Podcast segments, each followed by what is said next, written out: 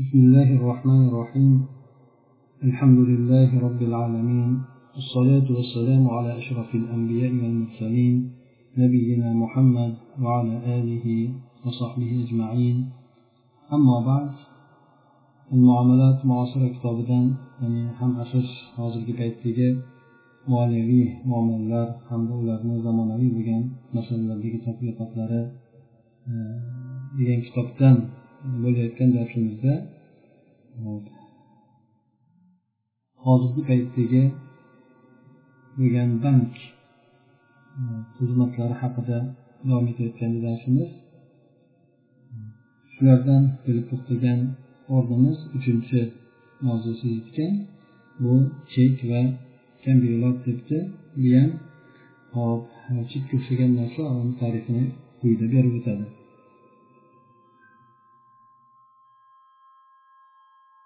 تعريف الشيك هو أداة وفاء حالة يحرر يحرر وقفا لشكل معين يتضمن أمرا من محرره إلى المصرف المسحوب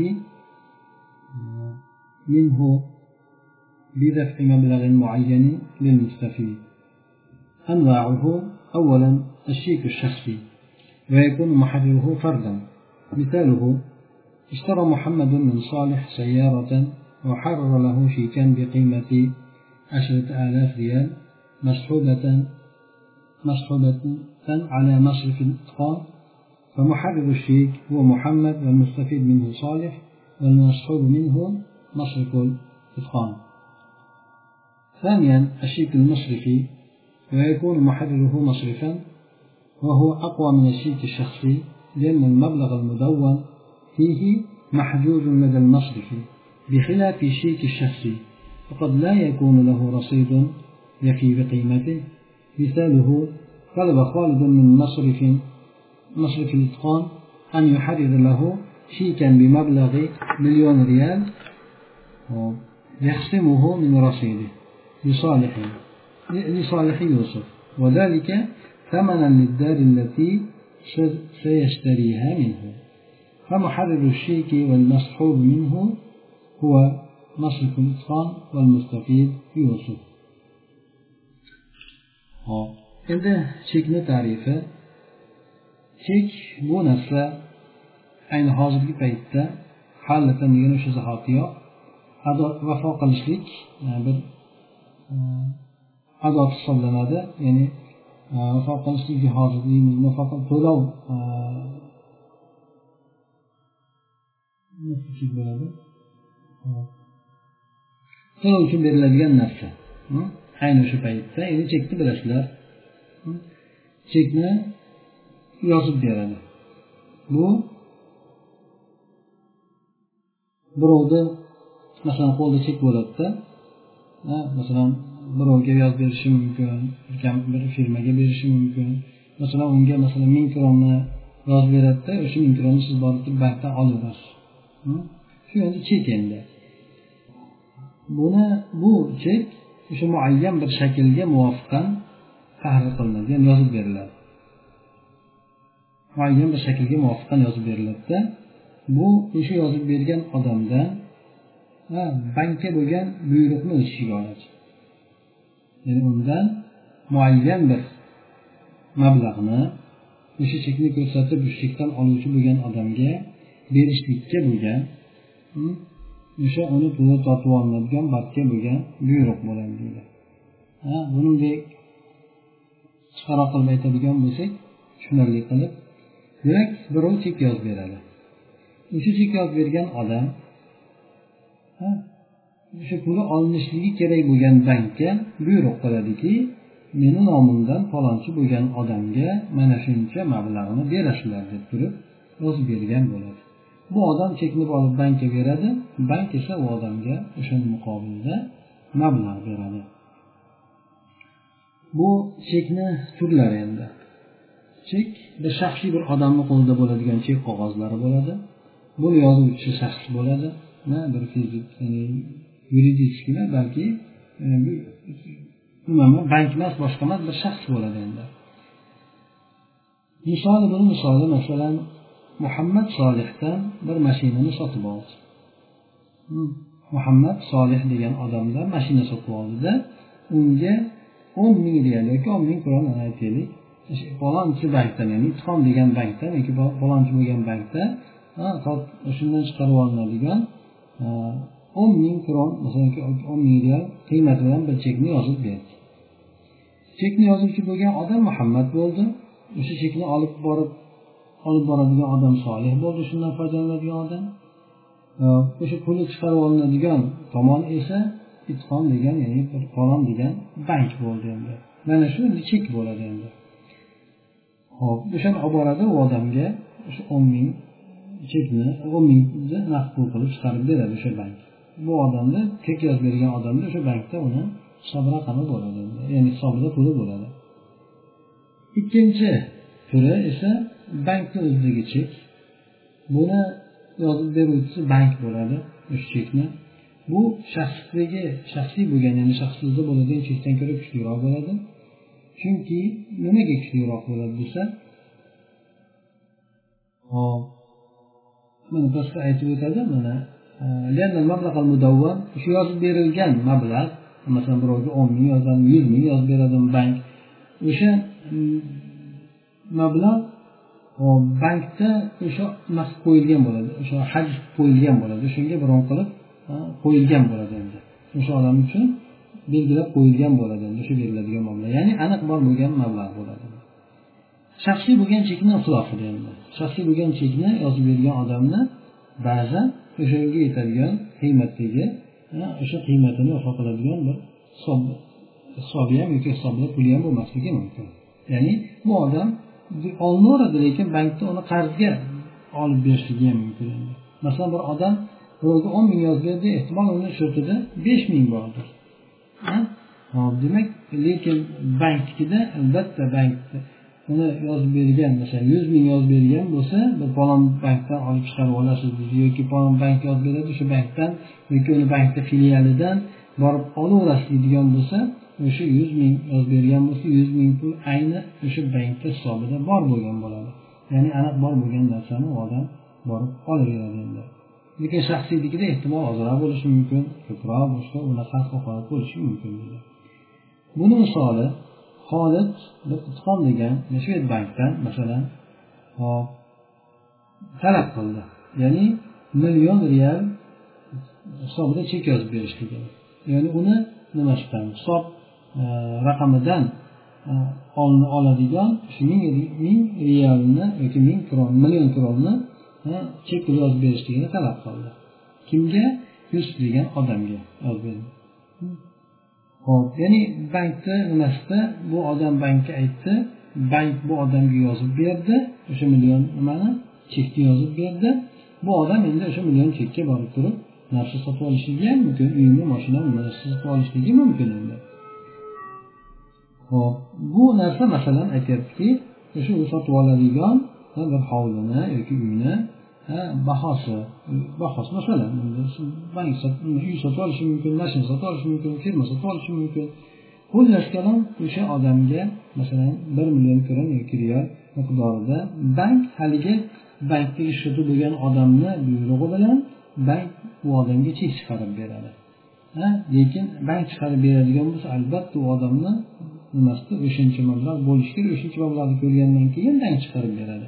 Shaxsnikida esa bir shaxs qo'lida bir daftarchasi bo'ladi chek yoziladigan o'shaga yozib berilaveradi. Ehtimol u narsa bankda bor bankda счетida bordir yoki bankda счетida yo'qdir. Demak ikkinchi misoldagishida hop chekni yozib beruvchisi hamda o'sha uni hisobidan pul olinadigan chiqarib olinadigan tomon bu itqon banki bo'ladi. O'sha chekdan foydalanadigan odam esa yusuf bo'ladi endi xolid o'zini sho'pidan bankka buyruq qilib demak o'sha pulni falonchiga o'tkazib chek qilib o'tkazib berishligini talab qildi buni hukmi endi الشيك المصرفي له حكم النقد وقبضه في قوة قبض محتواه من النقود لأن له قوة وقبولا بين التجار كالنقود فيجوز استعماله فيما يجب فيه القبض شرعا كشراء الذهب والعملات مع مراعاة قواعد الصرف السابقة وأما الشيك الشخصي فإن كان له حماية وقبول بين التجار فهو كالشيك المصرفي وإلا لم يصح استعماله فيما يجب فيه القبض شرعا buni hukmi endi chekni hukmi bank chiqarib beradigan chekni pul hukmida pul o'rnida o'tadi endi buni pul hukmi bor naqd pulni hukmi bo'ladi endi o'sha chekni qo'lga kiritishlik chekni ichidagi bo'lgan pulni qo'lga kiritishlik quvvatida bo'ladi. Chekni olishlik xuddi go'yoki chekni ichida bo'lgan o'sha mablag'ni olishlik bilan barobar bo'ladi. Nimaga shu? Chunki chekni savdogarlar o'rtasida bank chiqargan chekni savdogarlar o'rtasida xuddi qog'oz pullarga yoki pulga o'xshash quvvati ham bor odamlarni ularni o'rtasida bu narsani qabul qilishlik ham bor. Chunki bank chiqarib berganligi uchun albatta uni tagi o'sha nimasi tagidagi mablag'i albatta bo'ladi. Shuning uchun bu bank beradigan chekni shar'an qobish qilishlik ya'ni qo'lma qo'l qilishlik vojib bo'ladigan o'rinlarda ishlatishlik joiz bo'laveradi. Masalan tilda sotib olishlik yoki pul almashtirishlik bo'lsin boshqa pul sotib olishlik bo'lsin bunda o'sha chekda ishlatsa bo'laveradi. Bu yerda albatta yuqoridagi o'tgan pul almashtirishlik qoidalariga rioya qilishlik bilan birgalikda ya'ni qo'lma qo'l bo'lishligi va bo'ladigan bo'lsa uni agar valyuta yoki mablag' qog'oz pullar yoki pullar bir biridan qiymati farq qilmaydigan bo'lsa unda ayni o'zini miqdorini olishlik agar farq qiladigan bo'lsa ikki davlatni ikki xil holatdagi bir mablag'i bo'ladigan bo'lsa unda bularda tengma teng bo'lishligi emas balki qo'lma qo'l bo'lishi shart qilinadi mana shu narsalarga rioya qilgan holatda buni xuddi qo'lma qo'l qilishlik o'rnida ishlatsa bo'laveradi bank chiqarib bergan cheklarni deydi. Ammo bir shaxs o'zi yozib beradigan bankni vositaligida emas balki o'zi yozib beradigan chek keladigan bo'lsa agar o'sha chekni himoyasi bo'ladigan bo'lsa hamda ya'ni himoyasi ya'ni orqa tomonida turadigan mablag'i bo'lsa hamda savdogarlarni o'rtasida qabul qilinadigan bo'lsa bu ham xuddi bankni shatiga o'xshab pul o'rnida o'taveradi. Aks holda esa agar bunday savdogarlar o'rtasida bir qabuli bo'lmasa yoki bo'lmasa himoyasi orqasida o'sha qo'yilgan qo'yiladigan mablag'i beriladigan mablag'i bo'lmaydigan bo'lsa bunda uni shar'an qo'lma qo'l qilishlik vojib bo'ladigan aqdlarda kelishuvlarda iste'mol qilishlik durust bo'lmaydi endi. Chunki bu holatda shaxsiy chek qo'lma qo'l qilishlik shartlarini to'liq ado etmagan bo'ladi. تطبيقات أولا عند صرف شيك بعملة من جنس عملة الشيك فيشترط شرطان. التساوي فلا يجوز صرف شيك قيمته ألف ريال بتسعمائة وتسعين ريالا ورقيا ثانيا التقابض فيجب أن يكون الشيك حالا وأن يتم تسليم الشيك والنقود الورقية في نفس المجلس. ثانيا وعند صرف شيك بعملة من غير جنس عملة الشيك فيشترط شرط واحد وهو التقابض فيجوز صرف شيك قيمته ألف ريال بثلاثمائة ثلاثمائة دولار بشرط أن يكون الشيك حالا وأن يتم تسليم تس وأن يتم تسلم الشيك وتسليم الدولارات في مجلس العقد قبل التفرق buni tadqiqotlar endi bir chekni o'sha berilgan chekni chek yozilgan mablag'ni jinsidan bo'lgan pulga almashtirishlik paytida ikki narsa shart qilinadi masalan birov chekni yozib berdi. Chekni masalan ming kronga chek yozib berdi. Endi o'sha chekni ming kronga almashmoqchi endi. Naqd ming kronga bir qanaqadir holat bo'lib almashmoqchi. Masalan aytaylik e, bankka kelib qoldi ertaga olaveraman dedi bo'pti siz menga bering men shu ming so'mga sotib olaveraman sizdan deb qiladigan bo'lsa bu yerda ikki narsaga rioya qilinishi kerak bo'ladi. Birinchisi tengma teng bo'lishligi bunda o'sha qiymati ming kron yoki ming real bo'lgan chekni qog'oz pulda to'qqiz yuz to'qson kron yoki real bo'ladigan qiymati shuncha bo'ladigan chekka almashtirishlik mumkin bo'lmaydi. Orasida demak bunda tafovut bor. Ikkalasi bir xil qiymatga ega bo'lgan pul lekin o'rtasida tafovut bo'lishligi bu riboga olib boradi ribo bo'ladi. Ikkinchisi taqobut qo'lma qo'l bo'lishligi.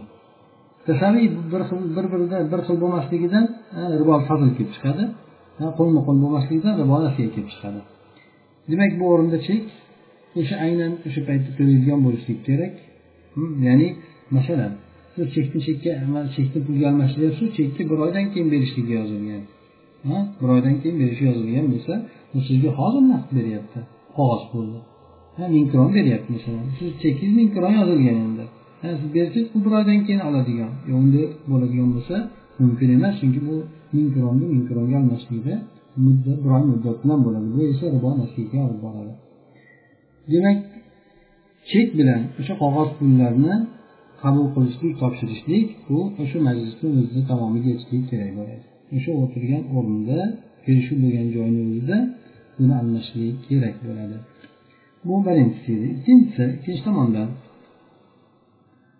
bir chekni chek shu pulini jinsidan boshqa bo'lgan pulga almashtirishlik paytida bitta shart shart qilinadi demak ayni o'zini jinsidan bo'lgan pulga almashtirayotgan paytda masalan ming kronni naqd bo'lgan ming kronni chek bo'lgan ming kronga almashtirishayotgan paytda bunda ikki narsaga rioya qilish kerak dedi. Birinchisi temirlik bo'lishi kerak ikkinchisi nasiyaga bo'lmaslik kerak deyildi. Endi ikkinchi holati chunki o'sha chekni yozib berilgan yozilgan puldan boshqa bo'lgan pulga chekni almashtirdi masalan aytaylik chekka kron yozilgan buni dollarga almashtiryapti. Bunda bitta narsa shart bir shartda shart qilinadi bu ham qo'lma qo'l bo'lishligi. Bu yerda chekni qiymati ming real yoki ming kron bo'lgan masalan chekni hop uch yuz dollarga almashtirishlik mumkin bo'laveradi. Shart shuki bu yerda chek o'sha paytda puli to'lanadigan bo'lishi kerak ekan va yana ya'ni masalan aytaylik chekka bir oydan keyin to'lanadi deb yozib berilgan bo'lsa unda almashtirishlik bo'lmaydi. Lekin chekka hozir to'lanadi deb yozib berilgan lekin kech payt bo'lib qolgan bank bekik. Lekin o'sha pulni o'zi o'sha miqdordagi ichidagi bo'lgan e, miqdorni o'z ichiga olaveradi deydi ya'ni o'sha quvvatga ega bo'laveradi. Hop bu yerdan chek o'sha paytda bo'lishligi shart qilinadi dedi. Yana chekni topshirishlik va dollarni qabul qilishlik ya'ni o'sha majlisni o'zida ajralib ketishlikdan oldin bo'lishligi shart qilinadi demak qo'lma qo'l qo'ldan qo'ldan bir qo'ldan pul o'tishi kerak bir qo'ldan esa chek qabul qilinishi kerak mana shunday suratda bo'lishi kerak bo'ladi hop bu chek borasidagi masalalar endi ikkinchisi tariful kembiyoli endi kembiyoli degan shunaqa bir bu ham chek chekka o'xshagan narsa ekan buni tarifi هي أداة وفاء مؤجلة تتضمن التزاما على محررها بدفع مبلغ معين للمستفيد مثالها اشترى محمد سيارة ثمنه ثمانون ألف ريال معجلة في أربع سنوات على أن يدفع في كل سنة ربع الثمن. وحرر أربع كمبيالات معرفة بتواريخ حلول كل قسط. يتضمن كل منها التزاما بدفع عشرين ألف ريال. حكمها يجوز تحرير الكمبيالة وتعد وثيقة بدين على محررها إلا أنه يحرم استعمالها في حالين الأولى فيما يجب به التقابض شرعا مثل شراء الذهب والفضة وصرف العملات والثانية في القرض بفائدة كما لو أقرض المصرف زيدا بتسعين ريال ألف ريال وفي المقابل حرر زيد للمصرف كمبيالات معجلة مئة ألف ريال. hop kambiyolani tarifi bu demak chekni tarifida chek o'sha paytda to'lanadigan bo'lishligi kerak. Deyilayotganda kambiyolash endi bu muajjal ya'ni bir muddatdan keyin to'lashlik bo'ladi endi. Bu yerda bu bu turdagi chek hmm, buni yozib bergan odamga o'sha uni ko'tarib yuboradigan odam uchun muayyan bir mablag'ni bir berishlikni lozim ekanligini o'z ichiga oladi deydi. Ya'ni bu ham o'sha yozib bergan odam kimga yozib bergan bo'lsa o'sha narigi odamga o'sha narsani berishlik kerak endi. Lekin muajjal bir vaqtni e, bir vaqt sayin bir vaqt o'tgan sayin shuni berishlik kerak. Shuni majburiyati bu odamni zimmasiga tushadi. Buni misoli masalan muhammad bir mashina sotib oldi. Uni bahosi sakson ming kron yoki sakson ming real deylik bu to'rt yilda to'lashlik bilan kreditga sotib olibdi endi. To'rt yilda to'laydi endi. Har yili o'sha mablag'ni o'sha bahoni to'rtdan birini to'laydi demak yigirma mingdan to'laydi. Va o'shanga to'rtta bir tarixlangan tarixi yozilgan hm? har bitta bo'limni har bitta urushni e, vaqtga bo'lishligi tarixi bilan tarixi yozilgan o'sha chekni yozib beradi. Ya'ni masalan aytaylik misol tariqasida olib ko'radigan bo'lsak bir odam bir yilga mashina sotib oldi. Mashinani narxi sakson mingga sotib oldi. Bir yilga to'laydi. Bir yilda to'laydi. Endi mana to'rt yilda to'laydi deb aytibdi mayli to'rt yilda to'laydi to'rt yilda to'laydi. Endi har yili to'rtdan birini to'laydi deyapti. Demak bu odam to'rtta chek yozib beradi. Birinchi yili masalan aytaylik ikki ming o'n birinchi yil masalan sentyabrda ikki ming o'n ikkinchi yil sentyabrgacha mana shu odam e, bankka nima yozib beradi o'sha bir yil ichida oladi olaveradi xohlagan paytda.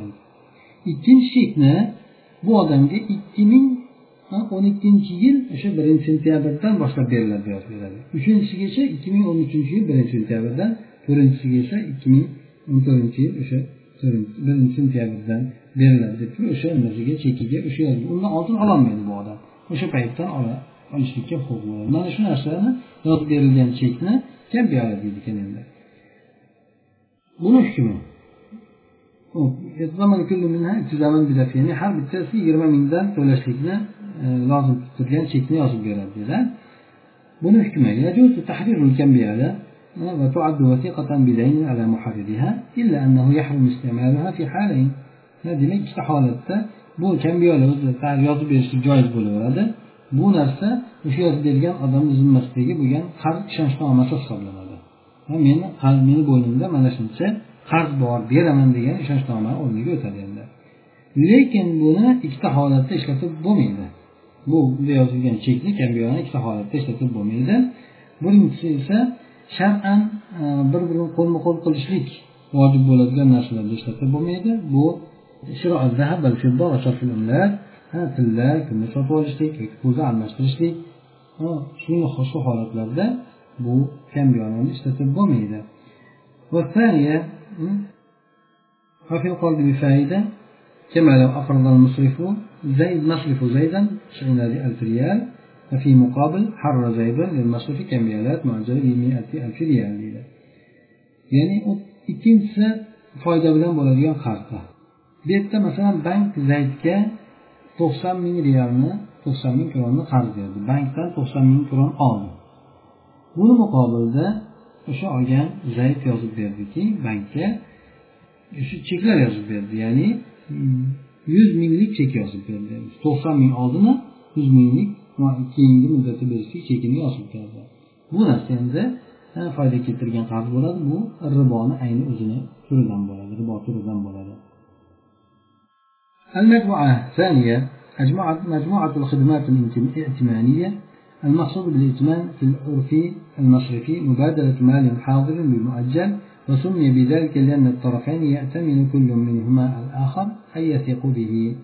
وتسمى هذه المجموعة أيضا مجموعة القروض والتسهيلات المصرفية وتشمل هذه المجموعات عددا من الأعمال المصرفية ومن أهمها أولا القرض بفائدة وهذا هو التمويل المعتاد في المصارف التقليدية حيث يكون القرض بفائدة للأفراد والشركات والهيئات الحكومية والقروض إما أن تكون قصيرة قصيرة الأجل تستحق آه، في سنة أو أقل أو متوسطة الأجل تستحق خلال فترة تتراوح ما بين بين سنة وإلى خمس سنوات أو طويلة تستحق في مدة تزيد على خمس سنوات. حكمه القرض بفائدة محرم بإجماع العلماء لا فرق بين القروض الاستثمارية التي تقدم تقدم للشركات والقروض الاستهلاكية التي تقدم للأفراد ikkinchi bo'lim bank xizmatlaridan ikkinchi bo'limi bu bank urfida o'sha omonat qo'yishlik bilan bo'lgan maqsad deydi bu yerda nima e'timon deb maqsad nima maqsad bu yerda bir molni hozir o'qilgan molni nasiyaga almashtirishlik. Bir muddatga qo'yib almashtirishlik.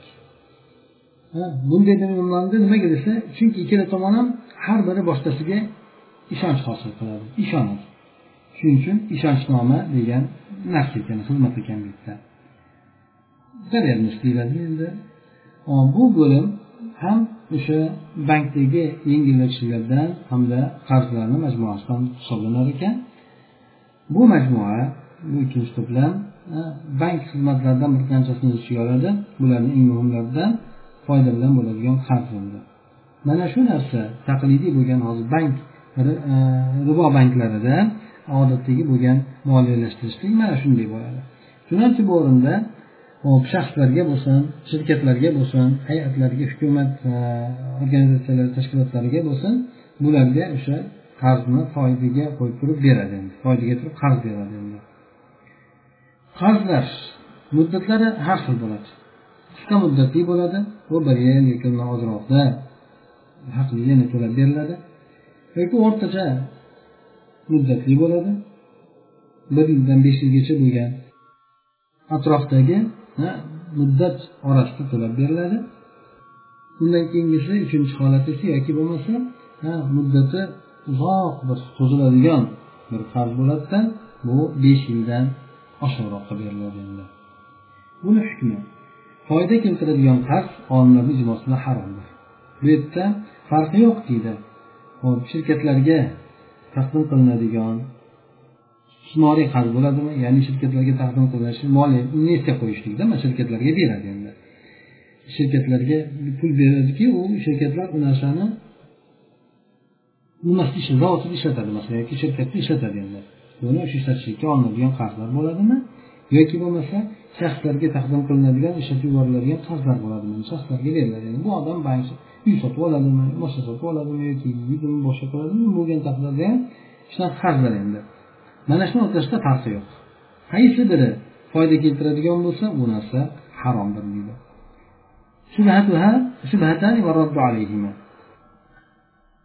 ikkita shubha endi bu yerda bu masalamizga ikkita shubha kelar ekan ya'ni haromligi borasida ularga keyin javob berishlik deydi birinchi shubha أن العلماء غير متفقين متفقين على أن الأوراق النقدية المعاصرة من الأموال الربوية وعلى هذا فليس في المسألة الرد عليها أن الخلاف بين العلماء في الأموال الربوية وعلتها إنما هو في ربا الدين وفي ربا البيوع وأما الذي يجري في المصارف فهو القرض بفائدة وهو من ربا الديون وربا الديون يجري في جميع الأموال بإجماع العلماء وممن حكى الإجماع ابن حزم والنووي وابن تيمية. الشبهة الثانية أن الفائدة تعد تعويضا للمقرض عن التضخم ومن حقه أن يأخذ فائدة بنسبة التضخم تعويضا له عن النقص الحاصل في قيمة القرض الرد يمكن الرد على هذه الشبهة من عدة وجوه. أولا أن الفائدة هي السبب الرئيسي للتضخم بل هي وقوده لأن المنتجين يضيفون عادة قيمة الفوائد التي يدفعونها إلى أسعار السلع وكلما تزايدت قيمة الفائدة كلما ارتفعت الأثمان فكيف تعالج مشكلة بوقودها؟ ثانيا وأيضا فإن النقود لو بقيت عند صاحبها لتعرضت للتآكل نتيجة التضخم فليس المقترض هو المسؤول عن ذلك بل الضرر واقع على الجميع. ثالثا وكذلك فقد يحصل العكس بأن تزيد القوة الشرائية للعملة ومع هذا فلا أحد يقول بتعويض المقترض عن هذه الزيادة بل هي لا يرضى المقرض لا يرضى المقرض بذلك والواجب أن يكون الغرم بالغرم. hop endi yuqoridagi masalaga bo'lgan shubhalar ya'ni foyda keltiradigan qarz masalasida moliya bank tomonidan beriladigan qarzlarga foyda bo'lishligi. Kimga shubha? Shuni hukmiga bo'lgan shubhalar hamda unga javoblar deydi. Birinchi shubha shuki olimlar qog'oz pullarni ribo yuradigan mollardan hozirgi paytdagi zamonaviy hozirgi paytdagi bo'lgan qog'oz pullar ribo yuradigan mollardan ekanligiga qoq qilishmagan deydi. Demak olimlardan ba'zilari bu qog'oz pulni bunga ribo kirmaydi deb aytishgan. Tilla kumushni o'rnida bo'lmaydi degan maqsadda shu bunga ribo yurmaydi bunda deb aytishadi. Shunga ko'ra bu masala bu bunday bo'ladigan bo'lsa bu masalaga kirmaydi endi. Chunki yuqoridagi mablag' pul qog'oz pul oladigan bo'lsa bu ribo yurmagandan keyin uni tafovut bo'lishligini farqi yo'q deb aytishadi aytishadi. Bunga javob. Javob shuki olimlarni o'rtasidagi xilof bu riboviy mollar borasida. Hamda uni illati borasida. Ya'ni olimlarni o'rtasidagi xilof ya'ni riboviy mollar qaysilar ribo mollariga kiradi? Illat qaysi sababi qaysi? Mana shu boradagi bo'lgan olimlarni xilofi bu nimada bo'lgan rival buyu tijorat ribosida bo'lgan. Tijorat ya'ni oldi berdi bo'ladigan ribo suratlarida bo'lgan. Bularni asosan ixtilofi ammo banklarda joriy bo'ladigan bu ribo esa bu foyda keltirgan qarz bo'ladi. Bu esa riba duyun qarz ribosi bo'ladi. Tijorat ribosi emas balki qarz ribosi bo'ladi. Ho'p riba duyun qarz ribosi bu olimlarni ijmosidan hamma mollarda joriy bo'laveradi. Nega ijmoni hikoya qilgan kimsalardan ibn hazm bo'lgan navoiy ibn taymiya bular olimlarni ijmosini mana shu masalaga keltirgan ekan. Demak bu yerda e, rad berayotgan paytda birinchida shubha keltirib aytdiki birinchi shubha shuki qog'oz pullar ribo yuradigan mollarga kirmaydi deyishdi. Ba'zi olimlar shunday deb aytishgan. Shunga binoan bankdan qog'oz pul oladigan bo'lsa uni bir million olib turib bir million ikki yuz ming pul qaytarib beradigan bo'lsa bu riboga kirmaydi chunki aslida qog'oz pullar ribo pullar emas deb ba'zi olimlar aytgan ekan. Unga raddiya berilyaptiki olimlarni o'rtasidagi riboviy mollar ya'ni qaysi mollar riboviy mollar hisoblanadi? Ularni illati nima? Illati aytib o'tgandiku bizda tilla kumushniki pul ekanligi.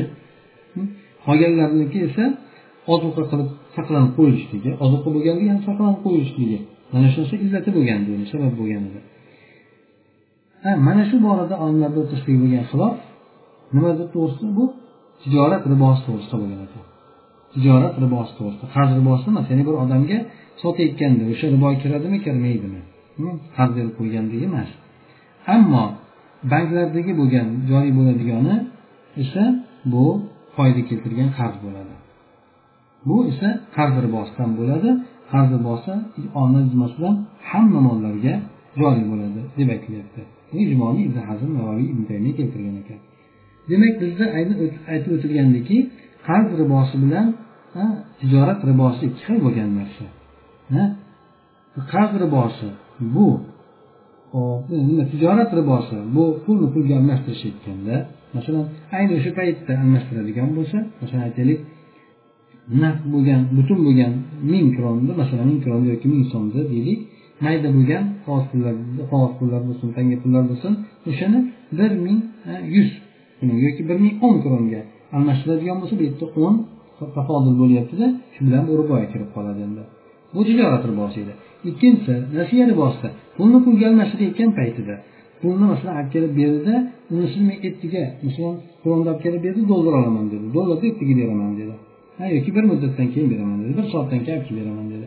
Bu yerda ikkala pul qo'lma qo'l bo'lmayotganligi uchun bu ribo nasiyaga kiradi. Ribo nasiya bilan ribo fazl bu ribo buyuk deyishiga kiradi. Ribo buyuq ya'ni tijorat ribosi deb ataladi.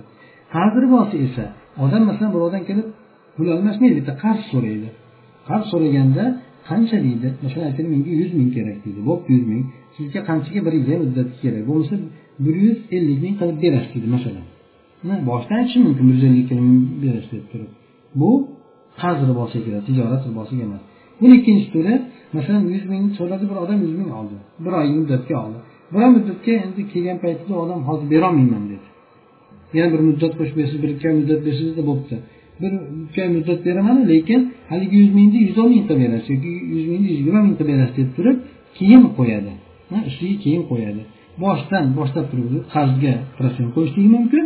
Yoki bo'lmasa o'zini bergandan keyin kechikadigan muddatiga demak qarzga protsent qo'yishligi mumkin. Bu ribo qarz deyiladi.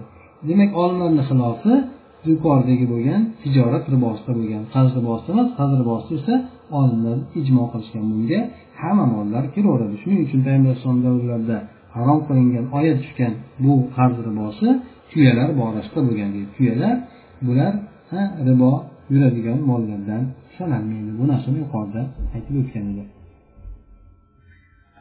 Ikkinchi shubhamiz endi ikkinchi o'zi beradigan shubhasi. Ikkinchi shubhada aytadiki hop endi foyda masalan bank beradigan foyda. Masalan ba'zida bankka qo'yasiz bo'ldi. Yuz ming qo'ysangiz siz bank sizga yuz nima bilan bir bir yildan keyin o'sha pulingiz yuz besh mingga o'sib qoldi yuz o'n mingga o'sib qoldi deylik. Ha bir yil ikki yilda kattaroq mablag' bo'ladigan bo'lsa bankdan pul qo'shilib qolinadi ho'p ba'zilar aytadiki bu bu qo'yilayotgan foyda aslida inflyatsion o'rniga o'tib ketadi qoplama bo'lib ketadi deydi. O'sha qarz bergan odamga bankka pul qo'ygan qarz pul qo'ygan odamga yuqorida aytdiku bankka pul qo'ygan odam bankka qarz beradi deb yuqorida aytildi. O'sha inflyatsiyani hisobidan bu qoplama bo'lib ketadi deb aytishadi. Masalan bank o'sha yuz o'n ming bergan bo'lsa o'sha odamni yuz mingi yana bir yildan keyin ikki yildan keyin yuz ming bo'lib turmaydi albatta. Yuz mingi keyingi nimada bir ellik mingga to'g'ri kelib qolishi mumkin inflyatsiya bo'lgani hisobida. Xullas kalom bir bank o'n ming yigirma ming beradigan bo'lsa o'sha e, inflyatsiya hisobidan qanchadir miqdorda yoki hammasini bir qoplashlikka shu narsa badal bo'ladi deb shuni aytishadi.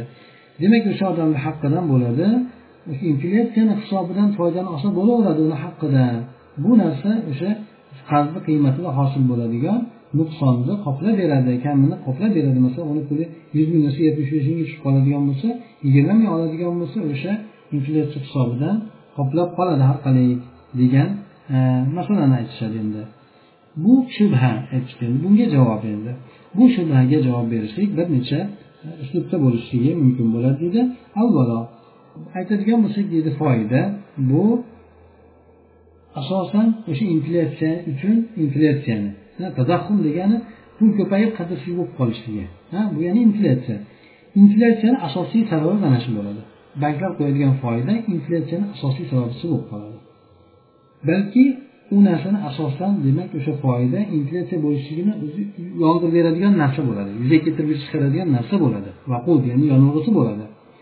Chunki nimaga desa sabab shuki ishlab chiqaruvchilar odatdan o'sha o'zlari e, beradigan foydalarni bankka beradigan foydalarni qiymatini tovarni bahosiga qo'shib qo'yishadi. Endi masalan aytaylik birov bankdan foyda olganmi? E, qarz olganmi? O'sha qarzni masalan aytaylik e, nimaga e, tovarlarga minadi endi buni puli u odam masalan bankdan yuz ming olib tijorat qilyapti deylik tijorat qilayotgan paytida bu odam yuz yigirma ming yuz ellik ming qaytarib berishi kerak. Buni qayerdan qaytarib beradi. Bu odam olib keladigan tovarga oshiqcha baho qo'yadi endi. Ha endi qanchalik foyda qiymati ziyoda bo'lib boraversa baho qiymati ham o'sha baho ham shunchalik ko'tarilib boraveradi. Ya'ni foydasi ko'paygan sari tovarga qo'yiladigan baho ham balandlab boraveradi endi.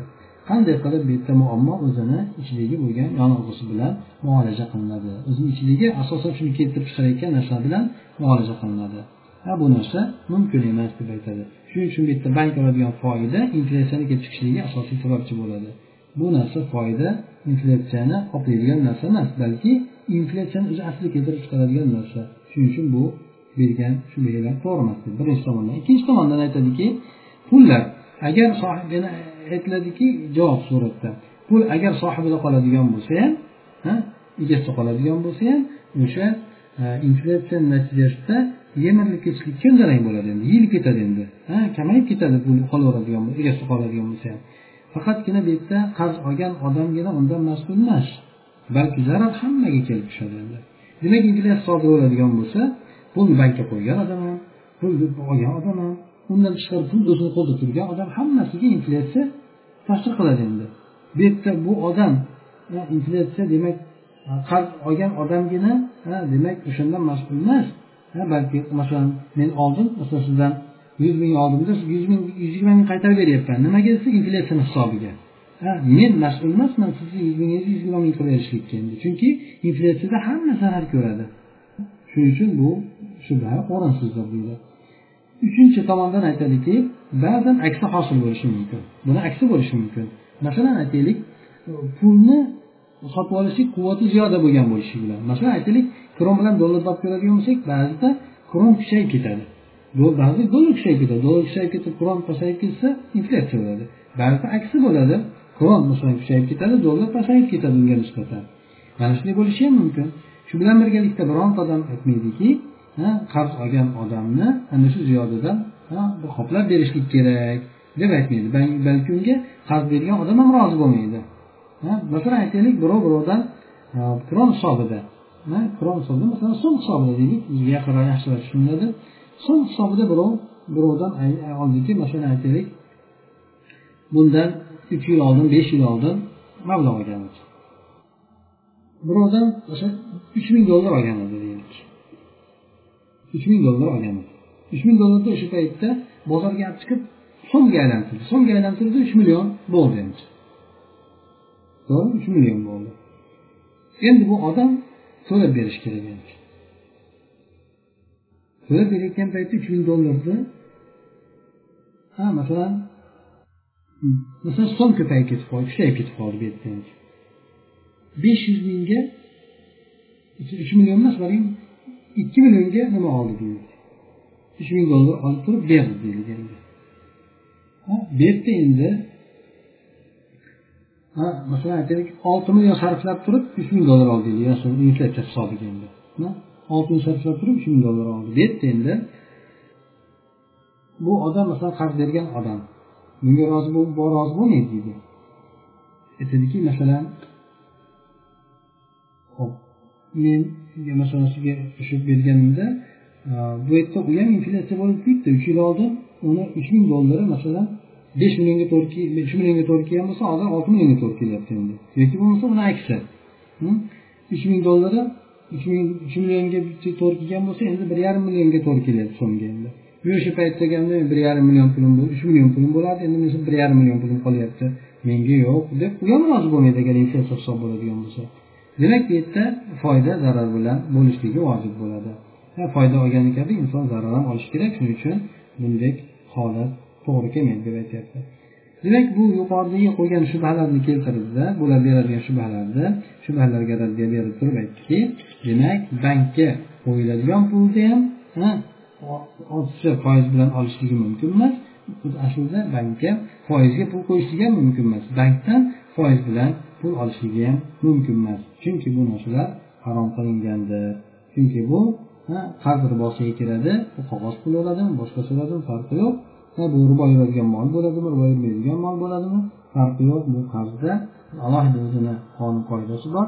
Shuning uchun qarz ribosida hamma narsa kiradi. Shundan qarz o'sha qarz ustiga foydani keltirishlik foydani qo'yishlik mumkin emas deb turib aytishadi. Mana shu demak bugungi darsimiz inshaalloh shu narsa joylari bo'ladigan bo'lsa so'ranglar. اللهم انفعنا بما علمتنا وعلمنا ما ينفعنا وزدنا علما.